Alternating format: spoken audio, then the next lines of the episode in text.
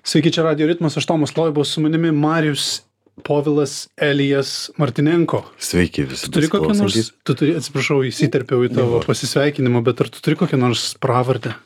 Um, Turėjai kada nors pravardę? Kažkada mokyklą išmėklą vadino. Šmėklą? Jo, nes retai pasirodydavau. Um, o šiaip, nežinau, dabar paskutiniu metu aš visai nesiniai pradėjau akies raištinę šio, tai... O dieve, aš negalvojau, kad uh, viskas taip stereotipizuojama, bet uh, aš tiek daug prisiklausau apie piratus dabar uh, juokelių ir pastabų, pastebėjimų, remarkų. Tai jo, Tai piratas?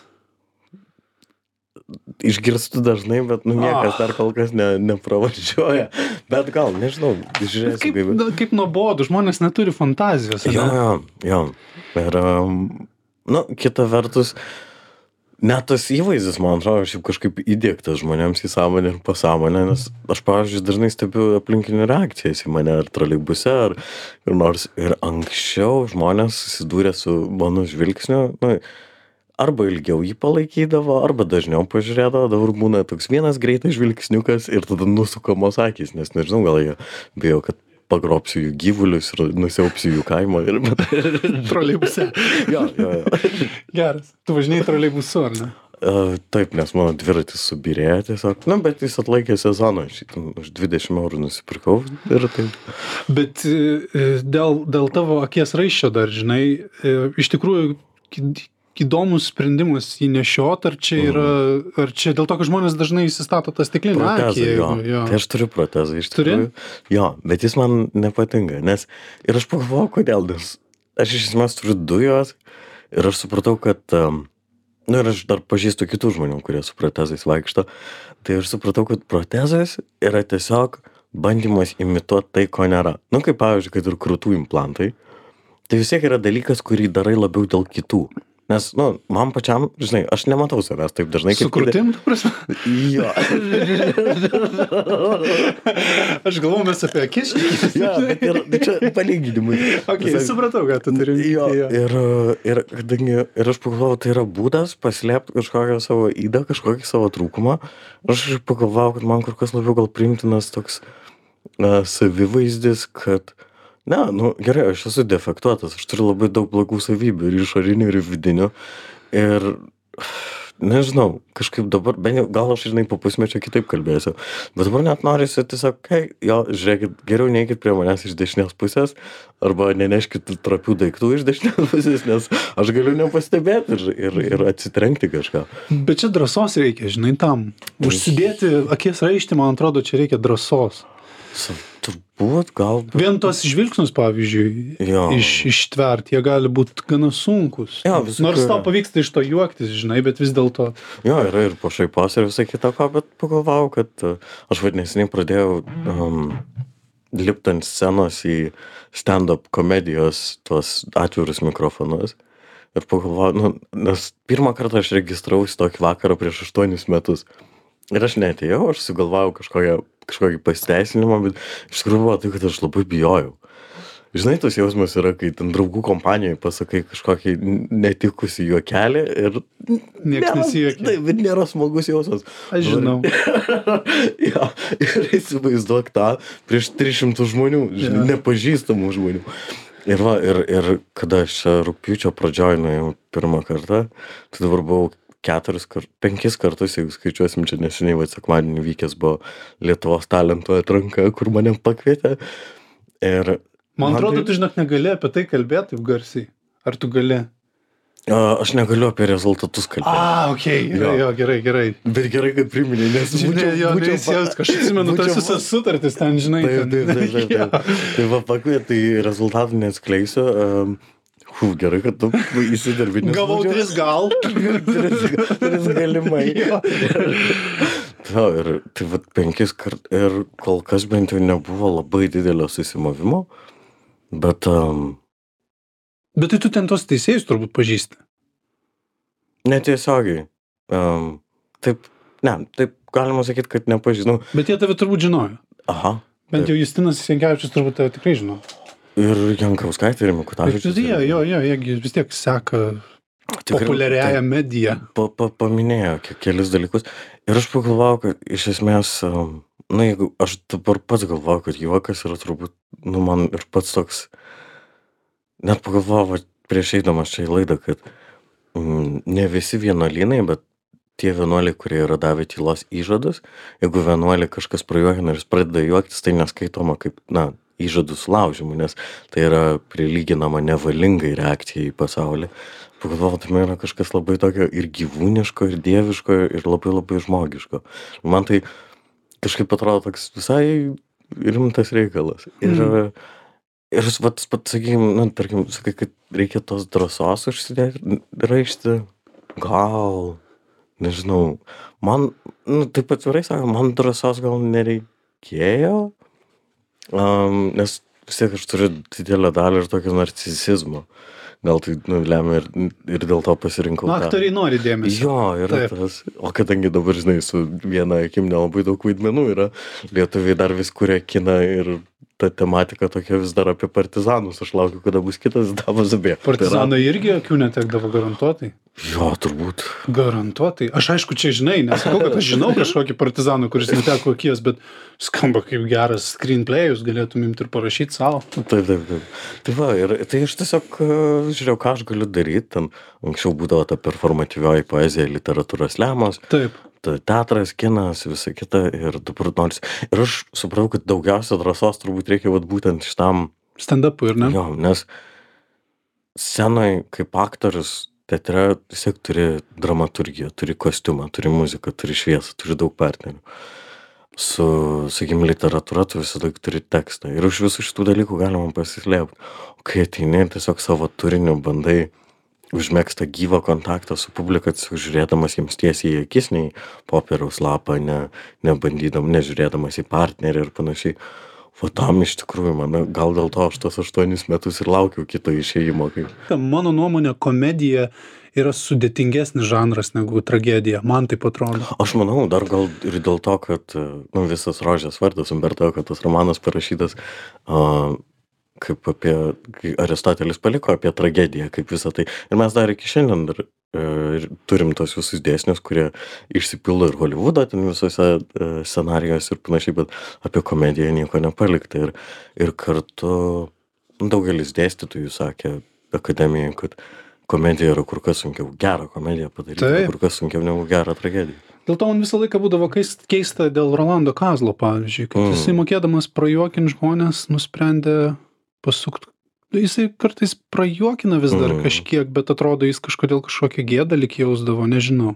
Aš manyčiau, kad čia gal yra ir tarp kai kurių kolegų pasitaikantis toks dalykas, kai yra žmonės, kurie taip visiškai natūraliai jokingi.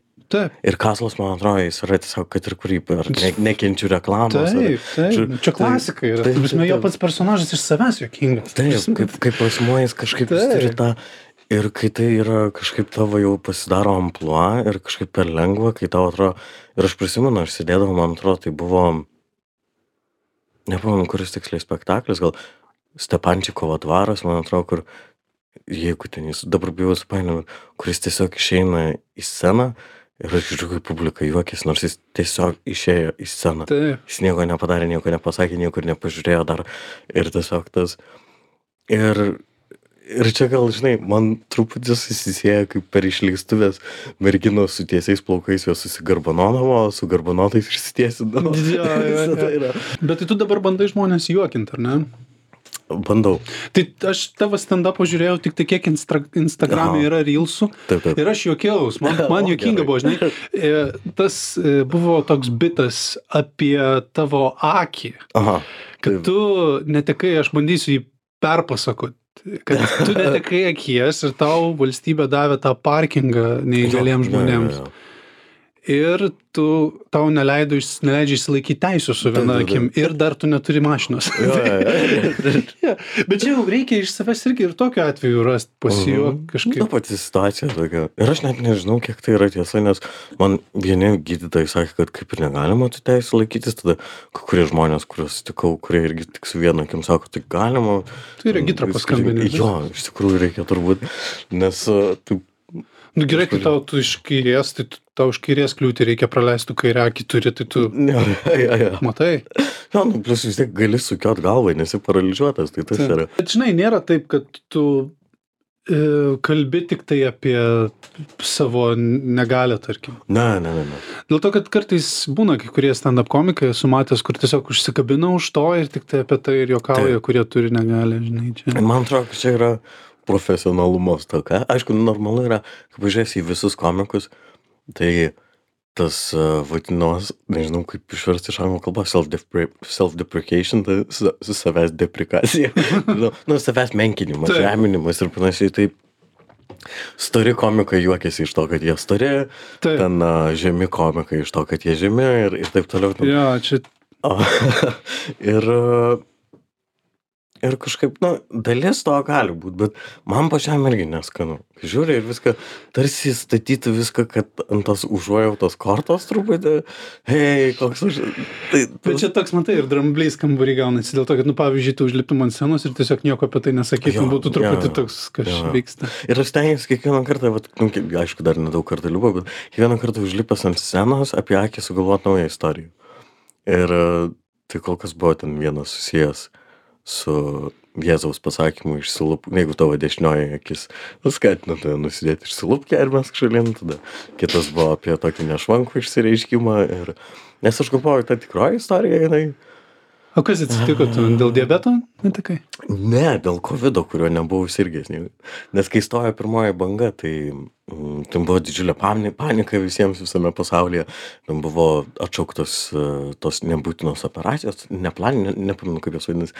Tai ir mano kažkaip irgi tam pateko į tą, kaip, jis ten buvo tokia sudėtinga situacija, tarkim, bet reikėjo man regis paprastos procedūros, tiesiog prišaudyti su lazeriu, ten vieną kraujagyslę ar, ar kelias ten. Ir, ir viskas, bet po to, kadangi buvo užlaukta, tos kraujagys ten išsiliejo kraujas, atplyšo tinklainė, bandė po to tą akį visai gelbėti, bet nepavyko. Tai netekau akies dėl COVID, bet... Uh, Dėl covido, bet ne dėl covido. Jo nesirgęs. jo, žinai, gali sakyti, kad dėl skiepų. Jo. Ta prasme, aš nenoriu to, aš nenoriu tos auditorijos dėmesio. Nu, žinai, bet šiaip tavo, tau gyvenime tavo daug kas turbūt, turbūt žino tave ir, ir yra girdėję, kad ten 13 komų. Jau 16 šiaip. Jau 16 Jo, dabar, nu- skaičius auga. Jo, tai čia buvo, 13 buvo parašyta, man kai išėjo pirma knyga, man buvo 25. Tau 30 dabar, ne? Jau, dabar 30.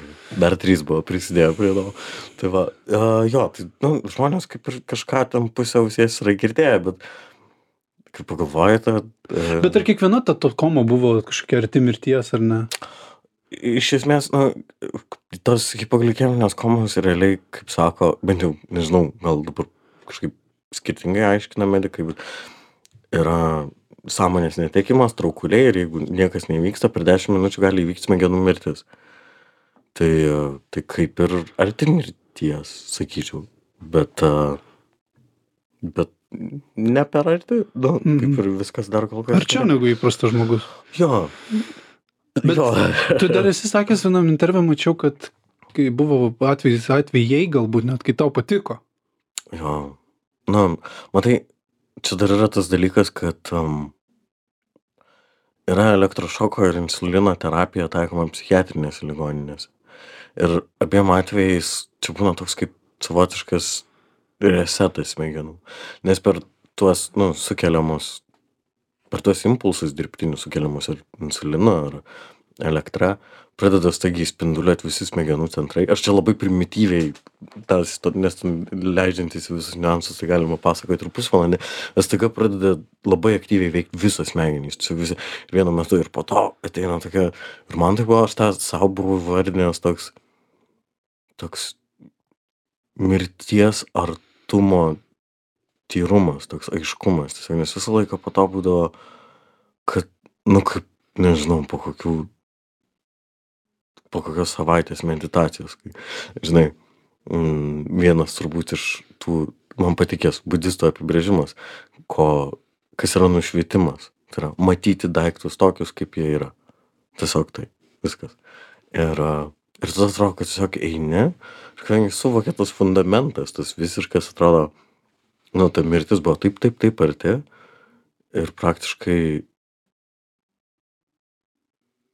atsibudus kiekvieną kartą esu ir ilgiau komoj pragulėjęs ir atsibudus atrodo kad viskas šviežia taip nauja ir atrodo kad joks daiktas nekelia asociacijų. Ten po to ilgesnio karto komoj kai savaitę pragulėjau aš net buvau praradęs atmintį ir tiesiog kiekvienas daiktas taip po to jinai po truputį grįžo aš prisimenu grįžau į namus ir aš jų nepažįstu ir man pamažu taip grįžta prisiminimai kad ai čia ta sofa atsirado prieš penkis metus kai ir tas tai aš nesakau kad man patiko ir aš vis bandau susikelt tuos dalykus bet tiesiog randi gė gėrio kažkokio kažkokio a džiaugsmelio ir ten Bet kas nutinka, kad tau jos taip atsitinka? a nu tas didž didysis sąstatas tų komų tai tiesiog dėl nežinau aš sakyčiau gal dėl to kad buvo paauglystė ir paauglystėj visi visos hormoninės sistemos pradeda šokt tango kadangi insulinas yra hormonas ir organizmo jautrumas insulinui priklauso nuo begalės kitų faktorių tai nuo kortizolio nuo adrenalino nuo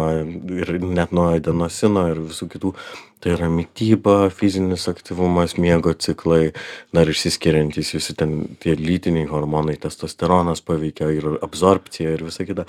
Tai tiesiog kai pradeda tango šokt visa hormoninė sistema ir kartais ta pati dozė insulino visiškai neveikia kartais jinai suveikia dvigubai stipriau tai vat gal tas buvo plius dabar yra žymiai daugiau priemonių sukontroliuot diabeto tai visai eigai tai yra ir sensoriai ir insulino pompos.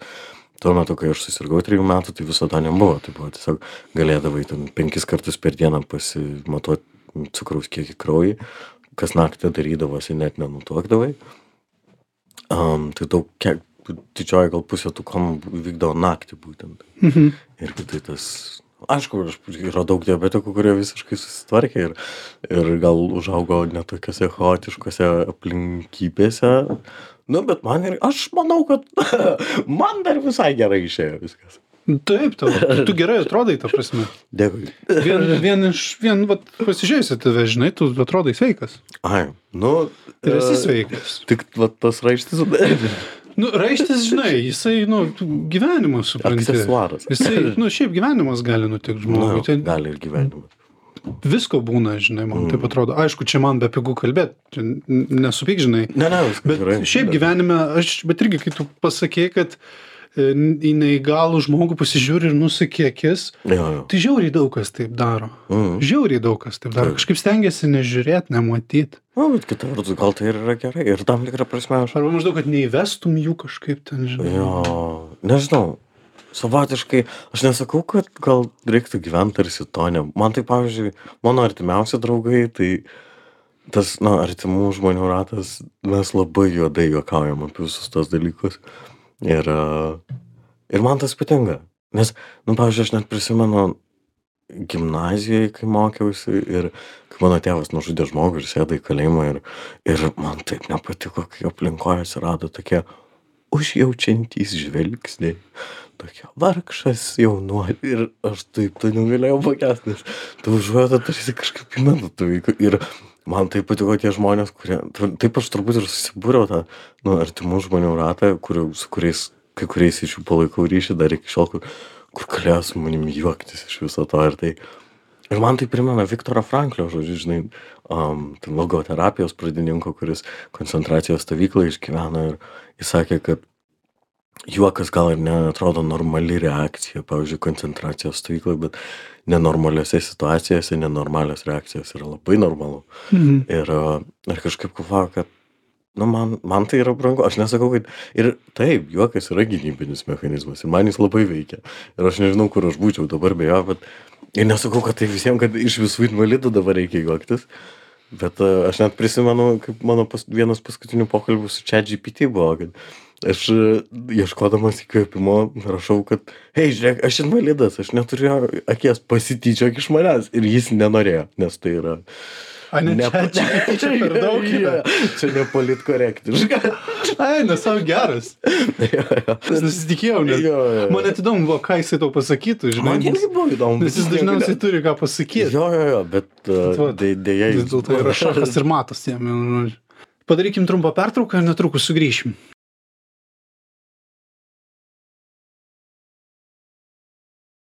Sveiki sugrįžę į Radio ritmą, kur šiandien svečiuojasi Elijas Martinenko. Užsiminė apie savo tėvą. Mm. Jisai jau išėjo iš kalėjimo? Jo, prieš gerus metus, man atrodo, jau. Kaip jums sekasi? Atrodo gerai, atrodo neblogai, kažkaip, kiek paskutinė mano žiniomis, mm, lik prie karitas ten glaudžiasi ir panašiai. Šiaip kas įdomiausia yra, kad aš ilgą, ilgą, ilgą laiką jau buvau, jis 12 metų iš viso sėdėjo. Ir a, aš ilgai buvau jo nematęs ir vieną kartą buvau nuvažiavęs aplankyti, truputį susiskambinom, ten panašiai kelis kartus. A, bet pirmą kartą, kai aš lipau ant Open Mic scenos a, humoro klubo, jis atėjo į Downtown Forest Hostel ir ten, o wow, man taip rankos drebėjo, tarsi aš tiesiog, na, būna, kad jaudinės prieš lipdamas ant scenos ir, nu, bet tą jauduliuką aš pažįstu vis tiek iš profesijos ir panašiai, bet ten tiesiog aš pakėliau rankas nuo stalo ir jos kaip, kaip taip rimtai jau, ten jau vėlyvoji stadija Parkinsono ir viskas taip daug.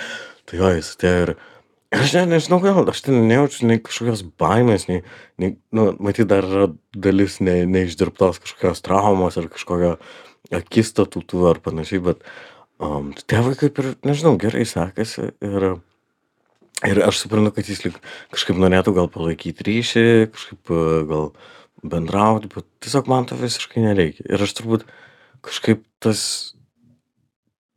tėvo vaizdinio išsipildymas ar neišsipildymas, ar ta visa figūra. Ir anksčiau aš, man, pavyzdžiui, labai imponuodavo vyresnių vyrų nuomonė. Ir taip jau, net lyguistai, kai aš visiškai abejodavau, net kai tai ne, nerezonuodavo su mano vidiniam vertybėm ar tiesom, aš dažnai priimdavau jų žodžius už gryną pinigą ir diskredituodavau visą tai, ko tikėdavau ir panašiai. Ir aš pastebėjau tokį ryškų, nu taip per refleksiją, ryškų pokytį savo gyvenime ir gal tą apmalšusi kažkokio tėviškumo alkį, tokį pats pasidariau tėvas. Nes aš supratau, kad aš jau, nu, iš esmės man jau kur kas mažiau reikia ieškoti um, to tėviško vaizdinio išorėje savęs, reikia pradėti jo ieškoti savo viduje. Ir aš supratau, kad niekas iš mano aplinkinių neišmokys manęs būti tėvu.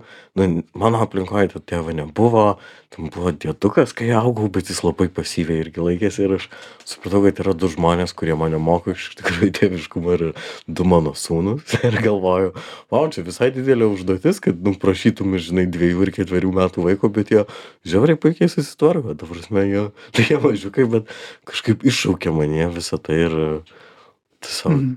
Matai, jiem, tu mokai save per juos gal. Jo, jo, yra tas. Tėvas man irgi nebuvo. mm. Mes irgi nebuvom labai tokie artimi dėl skirtingų priežasčių. Kartais taip. taip nutinka gyvenime.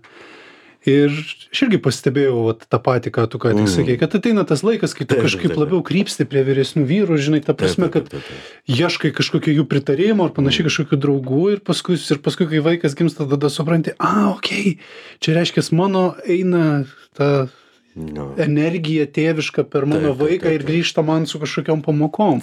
Ir čia yra simboliška iš tikrųjų labai. Dar kalbėdamas apie vaikus, va tą šarėlę išspaudžia. Jie turi tą jo. emociją tokią. Jie Jo, kažkaip jo. nenorėdami tiesiog.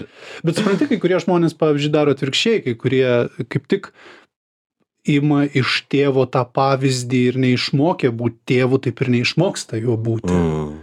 Žinai, padaro vaikus ir paskui kerštauja savo tėvui Per juos. per Mm. vaikus, palikdamas juos. Jo. Nu, mano atveju gal buvo tai, kad aš buvau užsibrėžęs savo. Ir čia irgi klaidinga mąstysena, nes aš kažkaip savo pasakiau, kad aš darysiu viską priešingai, negu mano tėvas darė. Ir aš tada supratau, kad čia yra tam tikra stagnacija, kuri gali padaryti daugiau žalos tiek man, tiek tiem vaikams. Nes galbūt tai, ko reikia mano vaikams, yra ne tai, ką mano tėvas ten priešingai darė, bet kažkoks visai naujas variantas. O ne, nu gerai, aš ten būsiu. Ir kartais aš net pagalvoju, aš tarkim, gaunu ten kokią algą ir tada vieną metu žiūrėjau, um, na, į tą banko išrašą praeitą mėnesį ir žiūriu, kad du trečdalius algos aš išleidau vaikų pramogoms ir žaislams ir galvoju, ar aš čia kažkaip pernelyg kompensuoju kažką iš savo vaikystės ir supratau, kad jo, pernelyg stipriai kompensuoju kažką, ko gal man reikėjo, bet, o, toks geras jausmas. Tai, kad bandai nupirkti, ko tu realiai gali duoti nemokamai, žinai. Jo, iš tikrųjų, nes jiems, jiems iš tikrųjų, ta prasme, nuperki, kad ir kažką labai ypatingo, jie vis tiek pradeda vakare dvi valandas žaidžia su tuščia Pringles dėžute. Ir tipo, jiems svarbiausia, kad tu būtum šalia. Taip, taip, taip, čia vat svarbiausias dalykas. Jo. Jūs, e, tu su vaikais ir gyveni, ar jūs dalinatės e, globą? e, Per pusę, tai maždaug po pusę savaitės kartais. Kaip dar, nes darbai nepastovus vis tiek tam, tam šou biznyje. tai, tai būna maždaug, maždaug tai po pusę savaitės pasidalinam. Mhm, Ir kaip čia sekasi? O manau, kad tam tikrais aspektais ir sunkiau ir lengviau. Nes manau, kad kai turbūt kartu gyvena pora ir augina vaikus, tai kiekvienas iš tų žmonių yra praktiškai kiekvieną dieną su vaikais. O čia kaip, pavyzdžiui, tris dienas, pa- na, tris, dvi dienas pabūni, tada nebūni dvi, tris dienas, tada taip labai atsigauni. Ir aš pastebėjau, kaip, pavyzdžiui, būna kokie, nu, tarkim, teko nu, čia net per seniausiai penkias dienas iš eilės būti ir penktą dieną aš tikrai nebuvau geriausia savo versija.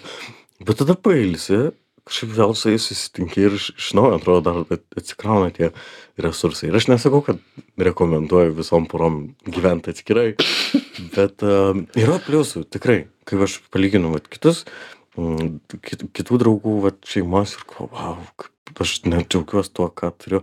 Aišku, tai gal ir nėra pats optimaliausias variantas, bet um, Bet, ta prasme, pasilgsti, tas pasilgimas irgi yra jo, gerai. ir jie irgi pasilgsta ir, ir O kiek jie metų? uh, dviejai ir ketveri.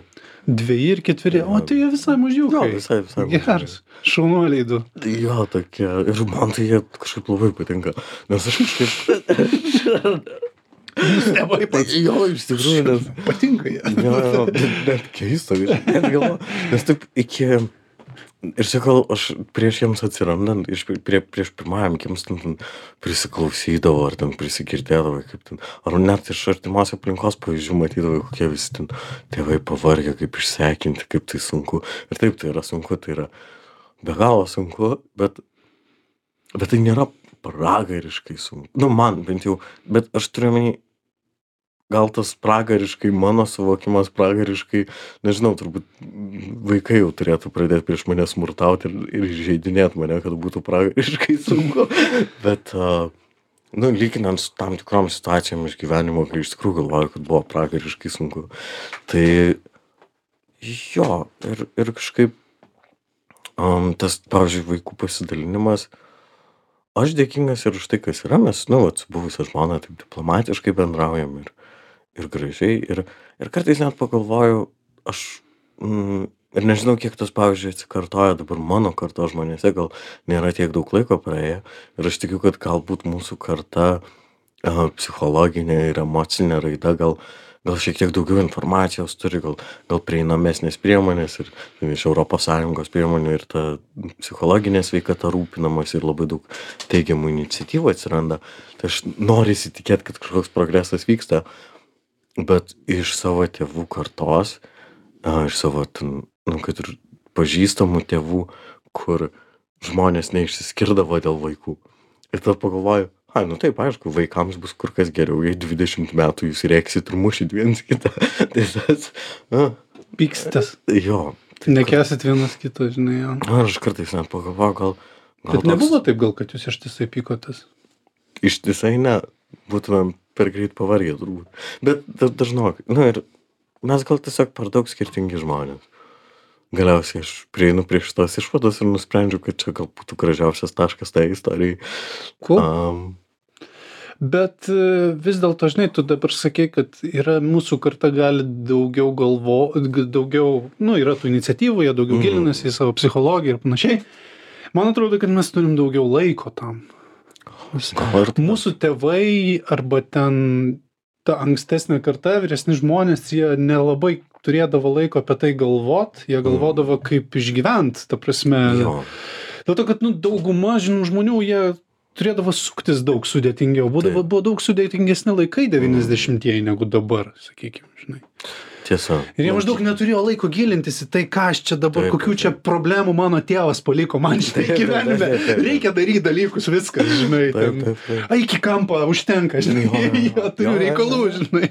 Jo, jie turėjo, jie mažiau laiko turėjo. Taip. Ir kartu, bet čia irgi tas lazda du galus turi ir net jei vieną galą nupjauni vis tiek lieka ir aš galvoju nu mes kaip ir turim daugiau laiko dėl tam nu vis tobulėjančių technologijų tada prisimenu vienas psichoterapeutas sakė kad egzistencinės krizės iš tikrųjų yra didelė prabanga nes kai tau nereikia nu rūpintis ta nežinau kiek ta maslau piramidė žinai ar jinai validi ar ar ar nevalidi bet kai tau reik baziniais poreikiais visą laiką rūpintis tu net Vandenuku, jo, maistuku. jo, jo, tu pastogė. Taip, taip. Ir tai tada, jo, ir mes turim daugiau laiko, mes turim daugiau komforto ir iš to mes tada susigalvom, hei, protarpinis badavimas, šaltas dušas, savęs kankinimas bėgiojimu. Kažką Žinai, tokio darai?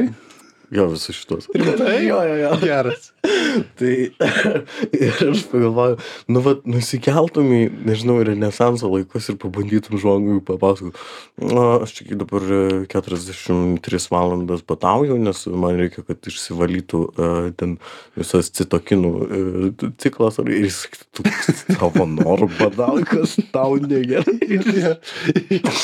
Ką čia į renesansą tu čia?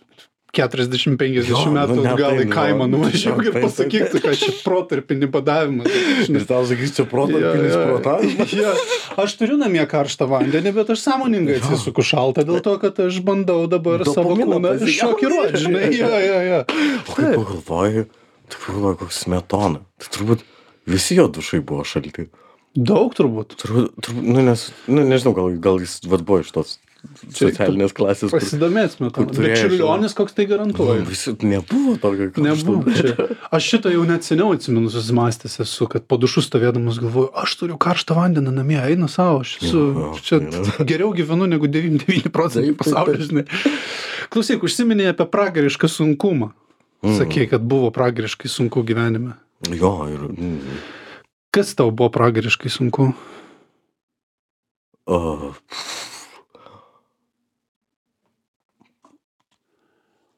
man gal tas laikas... Sunku išsirinkti, ta prasme, čia taip ilgai galvoji. Mano didžiausia problema, kad aš turėjau per daug pasirinkti. nu, jo. Ne, nu, aš sakyčiau, nu, pavyzdžiui, kai, tarkim, tokie du pasidavimai gyvenime, turbūt sunkiausia yra, kai jau nebegali pakelti ir nori visiškai pasitraukti. Aš du kartus esu bandęs nusižudyti ir abu kartus nepavyko, nors bandžiau skirtingais būdais ir gerai. Dabar džiaugiuosi, kad nepavyko. Um, čia yra du tokie didžiausi susimovimai gyvenime, dėl kurių aš labiausiai džiaugiuosi. Tai vienas buvo kai man buvo šešiolika ir čia buvo vat kaip tik tas laikotarpis kai ten tėvas sėdo į kalėjimą tada močiutė mirė diedukas mirė vienos dienos skirtumu aplink namai griuvo mama užsidarė į tokį apa nu tai buvo sakyčiau tokia vadinčiau savisauginė apatija kai tavo tiesiog sąmonė išjungia viską kad tu nu nežinau neišprotėtum ne ne nepakriktum visiškai ir tiesiog taip gal autopilotiškai visas funkcijas.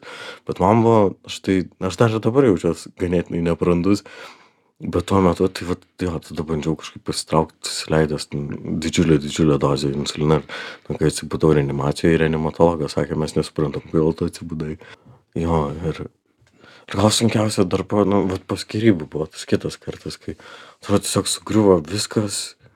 Nu kaip aš sustačiau ne tik nes aš dažnai nu aš tiesiog buvau žmogus kuris neplanuoja į ateitį nieko. Tiesiog impulsu ir spontaniškai gyvendamas taip gyvenau ir ir impulsų vedamas ir ir tada atrodo vau pirmąkart gyvenime atsirado struktūra. Atsirado ne tik sisteminga struktūra dabarties rutina stabilumas saugumas užtikrintumas bet ir projekcija į ateitį. Nes visi planai sukasi aplink namus aplink vaikus aplink šeimą a ir visa kita ir staiga ir staiga viskas dingo iš po kojų. Ir atrodo taip vau nu tikrai eini plonu ledu ir staiga įsmunki ir bet tau net neatrodė kad tu eini ledu. Mhm. ir jo ir tada tuo metu tai čia ir yra tas turbūt kamuojamiems turbūt didelių nu kažkaip didelių gyvenimo smūgių ištiktiems žmonėms man atrodo savivaizdis ir pasaulėvaizdis išsikreipia.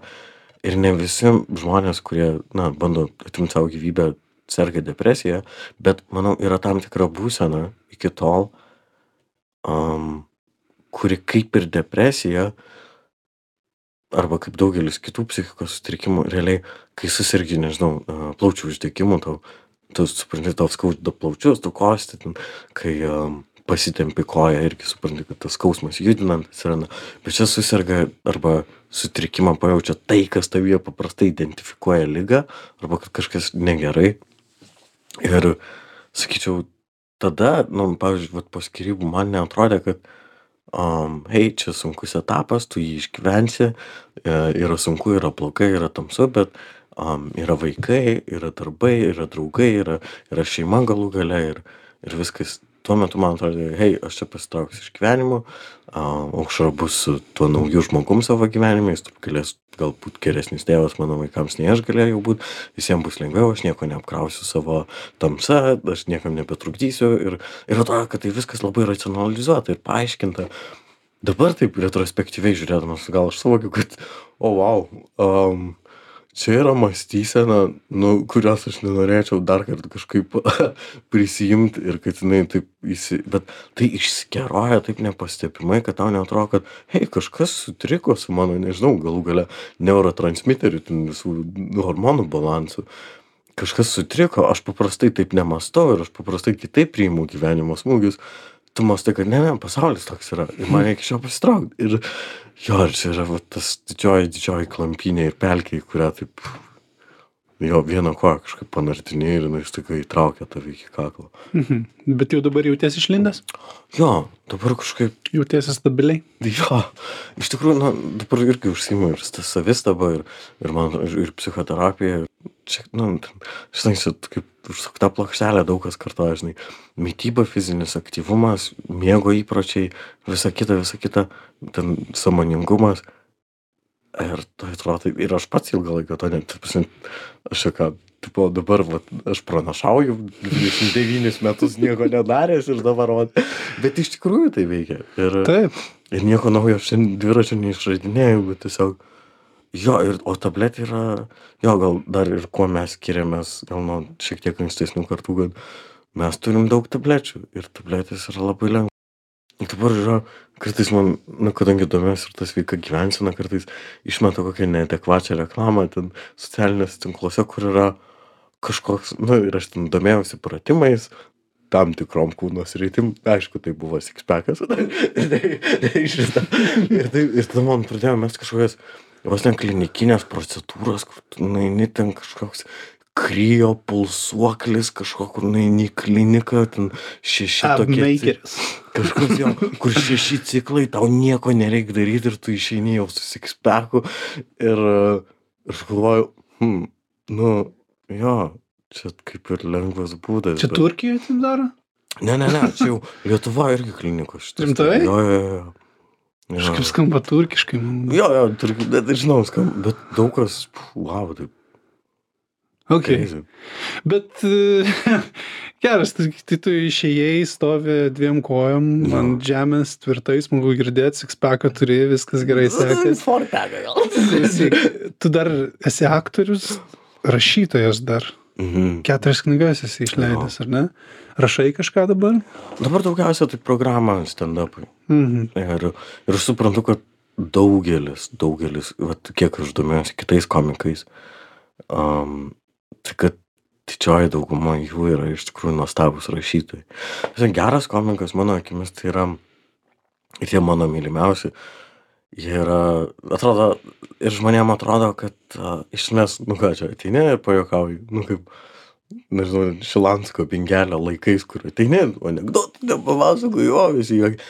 Bet tai yra, kai aš stebiu tos komikus, jie visų pirma, jie yra socialiniai kritikai, filosofai, rašytojai ir mąstytojai. Ir, ir jie tą pat, ir, ir, ir juokingiausia būtent yra tai, kai žinai, kai sako, kad karaliui tiesą galėdavo tik juokdarys pasakyti.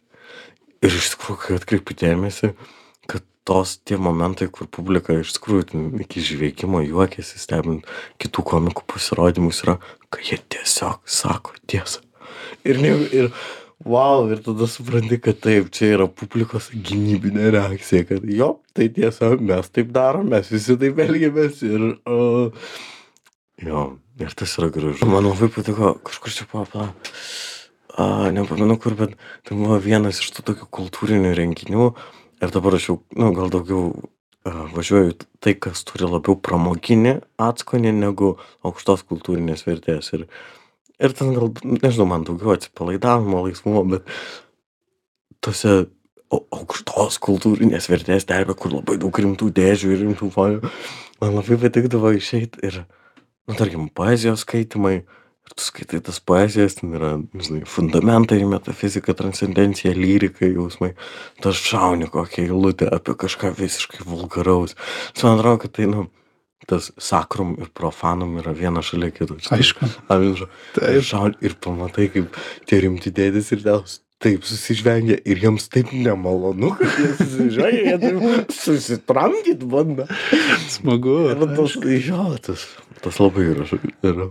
Bet žinai, to tokio transcendentinio gylio yra labai daug aktorių pasaulyje Lietuvoje, taip atrodo, to teatre tokiam. Na, man atrodo, žinai, apskritai mene. Man atrodo, visi menininkai yra susireikšminę ir tam tikrą prasme aš tikiu, kad jie turi būti susireikšminę, tas jiems yra gyvybiškai būtina, nes iš esmės menas neturi jokios reikšmės ir jie giliai, giliai supranta, kad jie yra, e, nu, bereikšmiai ir nereikalingi niekam. Nu, ta prasme, kai pagalvotum tokių išlikimo, tokių, nu, fundamentalių, svarbių išgyvenimui dalykų menas neturi reikšmės. Ir apskritai, aš tikiu, kad menas neturi reikšmės. Ir tai yra, nu, aš dabar to tikiu. Man tai yra svarbiausias suvokimas. Jis kartais kiekvienam iš mūsų kažką individualiai reiškia. Bet jis ne, nes yra prirašyta labai daug ir kiek aš turėjau, o dieve, kiek aš turėjau daug estetikos paskaitų ir kiek aš pats domėjausi ir kiek aš ten skaitau, menas kaip simbolis, žaidimas, šventė ir, ir anapus gėrio ir blogio ir visą kitą ir skaitai ir galvo, išvedžiojimą apie meną, apie estetiką, apie ten a, daiktas ir menas, tų knygų priskaitai ir, ir tai yra gražiausia ir tai yra nuostabiausia, kad jis neturi reikšmės, todėl mums reikia nuolat jį ir kurti ir nuolat tas individualias reikšmės, žinai, man kažkoks eilėraštis gali reikšti kažką, aš papasakosiu į tau ir, ir mes jau turėsim gal kažkokį mažą rezonansą ir tai bus labai gražu, bet gražiausia ir yra tai, kad nėra būtina, kad tas atsitiktų, kad to nėra, nėra taisyklės, kad toks, tokios eilutės, tokie žodžiai, tokie sąskambiai turi būti jokinga, gilu, prasminga, turi sužadinti kažką, bet kad tai įvyksta, o čia man atrodo yra gražiausias ir nu, nuostabiausias dalykas. Žinai, man labai įstrigo, ką tu ką tik pasakėjai, labiausiai įstrigo principą, ką ir Arvidas Šliogeris yra pasakęs, žinai. Jis daug šnekėjo, žmogus daug šnekėjo, Ir gerai filosofas. šnekėjo. Ir gerai šnekėjo, bet man patiko vienas jo sakinys. Suma sumarum, niekas neturi jokios prasmės. Jo, Tai va, ir laikas mums baigėsi. O, Ėmė ir atėjo pabaiga. Tiesiog šovė pro šalį. Smagu, jo, smagu, kai taip greitai laikas. Ačiū labai, kad atėjai. Ačiū tau, kad pasikėlė. Marius Povilas Elijas Martinenko. Taip. Radio ritme buvo. Aš Tomas Loiba. Geros dienos visiems. Iki. Visa.